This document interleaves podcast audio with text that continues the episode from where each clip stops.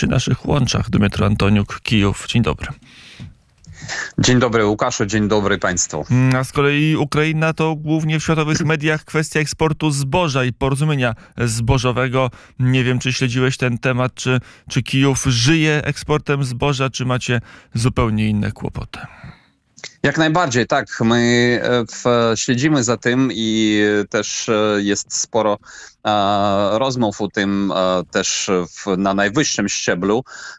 W, mówi o tym nasz prezydent, mówi o tym nasz premier i no, przede wszystkim też mówią o tym, że my podpisaliśmy tą, tą umowę zbożową z ONZ-em i z Turcją, a nie z żadną Rosją. Także my spokojnie sobie wykonujemy E, dalej e, tą, e, tą umowę i dalej, na, jak podają, dalej wychodzą ze zbożem z naszych portów nasze i nie, nie nasze, a w, in, statki z naszym zbożem idą do Stambułu. Już, ale problem stwarza Rosja, która pod, podpisawszy też umowę też e, ze swo, swojej strony z ONZ-em i z Turcją, ma kontrolować rzekomo te e, statki, żeby tam nie było jakiejś tam broni, ja nie wiem co.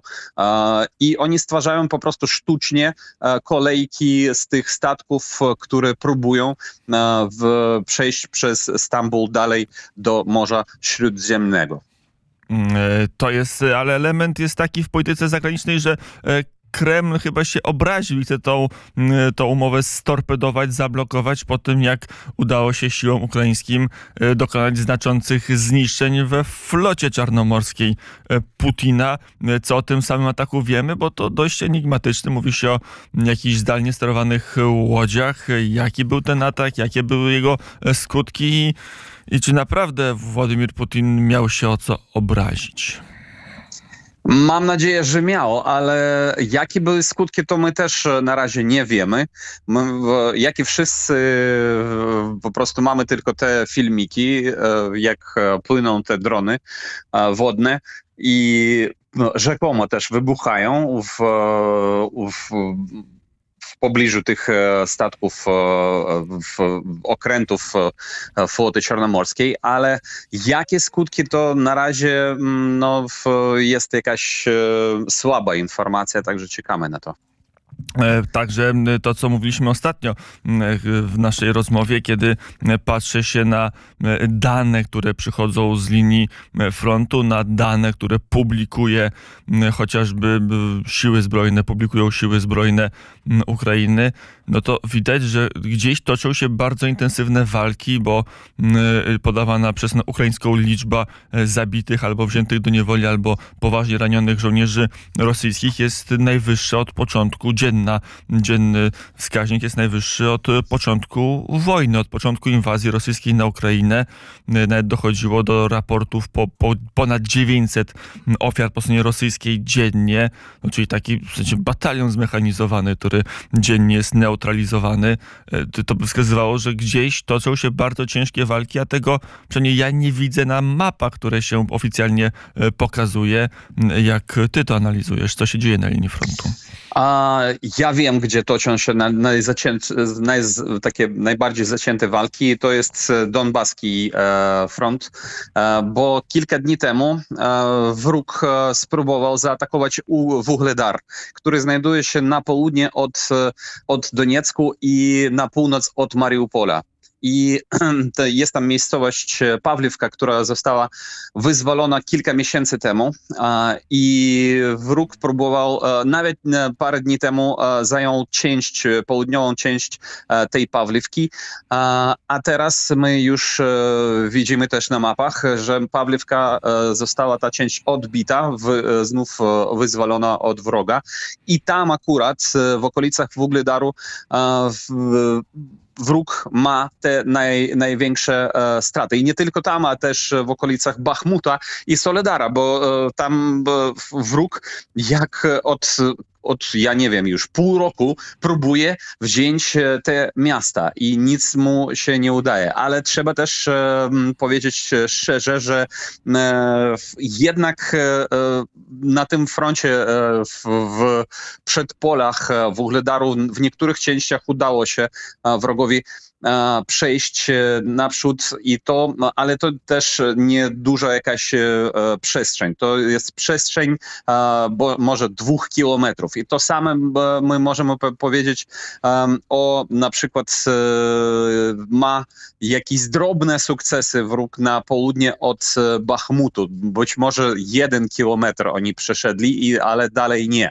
Także tam toczą się naprawdę zacięte walki i to, co ja słyszę od swoich e, e, znajomych, które przebywają w wojsku i walczą tam akurat w, na Donbasie, to jakieś makabryczne informacje mówią o tym, że wróg e, rzuca swoich rannych, swoich zabitych tam na, e, w, idąc w, w bezustannie w ataki i e, kolejnych swoich zmobilizowanych w tym, on rzuca po, tym, po tych trupach swoich, so, swoich żołnierzy I, i to po prostu wygląda jak jakaś, no w miniatury oczywiście, ale jakaś bitwa na Sommie z czasów I wojny, wojny światowej, bo, bo trupy już tam zrobił, tam całe trupie pola po prostu. Przepraszam e, Państwa za to, ale, ale tak, tak, mi e, dopowiadają ludzie z frontu. Ale tak wygląda E, wojna i nie ma co jej koloryzować. Na ile to wpływa na morale wojsk rosyjskich? Dotarła do Polski informacja, że siły zbrojne Ukrainy znajdują e, ciała rosyjskich, rosyjskich oficerów, czasami ze skutymi rękami, ale co jest charakterystyczne, z przestrzelinami w potylicę, tak jakby dochodziło do jakichś buntów albo do, do walk wśród samych wojsk rosyjskich.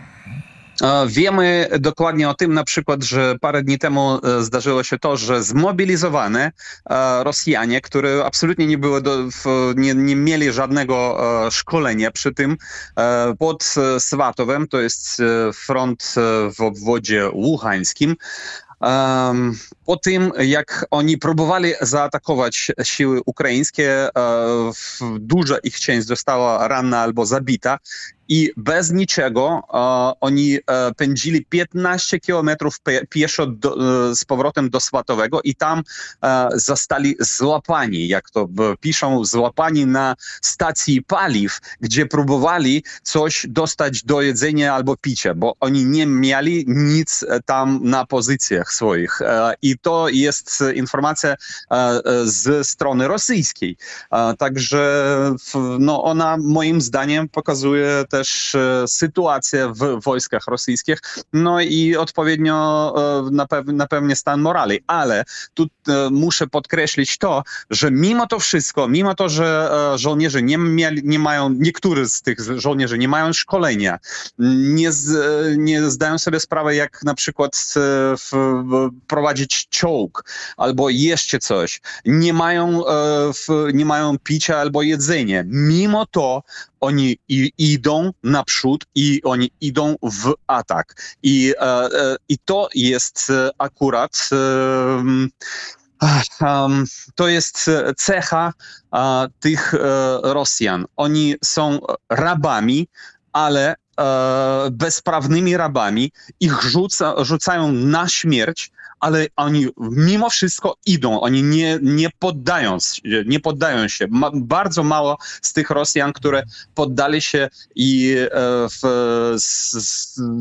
po prostu przeszli na, na stronę ukraińską i teraz e, są w, bezpieczni nareszcie, ale ci mimo wszystko nie poddają się i to jest dla nas wielki problem.